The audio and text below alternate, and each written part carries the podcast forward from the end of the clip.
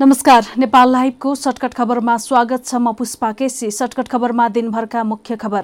कोरोनाबाट नेपालमा थप उनासाठी जनाको मृत्यु तीन हजार सात सय उनपचास जनामा संक्रमण पुष्टि पाँच हजार दुई सय त्रियानब्बे जना कोरोना संक्रमण मुक्त।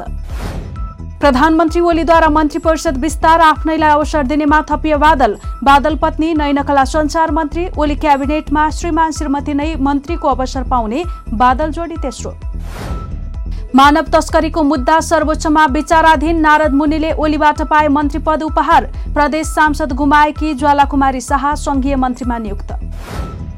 माइती घरमा प्रदर्शन गर्ने डाक्टर गोविन्द केसीका समर्थक पक्राउ। चिकित्सा शिक्षा आयोगका पदाधिकारीहरूको अडान विपरीत सम्बन्धनको प्रक्रिया अघि बढाइए सत्याग्रह थाल्ने केसीको चेतावनी। नेपाल खनाल समूह एमाले एकताको विपक्षमा रहेको विष्णु पौडेलको दावी सर्वोच्चबाट आउने जुनसुकै फैसला स्वीकार्ने गरी एकता कायम गर्न सकिने गोकर्ण विष्टको जोड व्यवस्थापिका र यसका प्रमुख राज्यका सबै अङ्गभन्दा माथि हुनुपर्ने पूर्व प्रधानमन्त्री डाक्टर बाबुराम भट्टराईको भनाई व्यवस्थापिकाले कार्यपालिकाको गठन गर्ने भएकाले कार्यपालिका प्रमुखले कसरी यसको विघटन गर्न सक्छ भन्दै प्रश्न।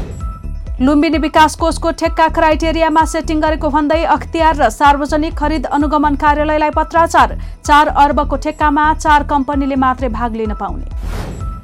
भारतले कैलाश मानसरोवर सडक खण्ड निर्माणका क्रममा विस्फोटक पदार्थ विस्फोट गर्दा नेपालतिरको बाटो भत्कियो घोरेटो बाटो भत्किँदा नेपालतिरको आवाज जावत पूर्ण रूपमा बन्द। बेलायतमा कोरोना भाइरस संक्रमणको तेस्रो लहर आउन सक्ने सम्भावना बढ्दै युके प्रजातिका नयाँ संक्रमित थपिँदै गएकाले तेस्रो लहरको चपेटामा पर्न सक्ने चेतावनी। र ब्राजिल फुटबल कन्फेडरेसनले घोषणा गर्यो कोपा अमेरिकाका लागि चौबिस सदस्यीय टिम ब्राजिलमा आयोजना हुने कोपा अमेरिकामा ब्राजिलको कप्तानी नेइमारले गर्ने। नेपाल लाइभको सर्टकट खबरमा दिनभरका मुख्य खबर आजलाई यति नै। नमस्कार।